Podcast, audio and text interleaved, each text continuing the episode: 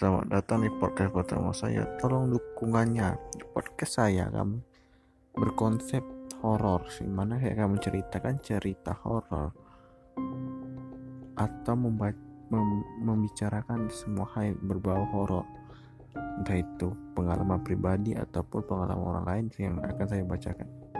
Tolong bantuannya di podcast pertama saya ini.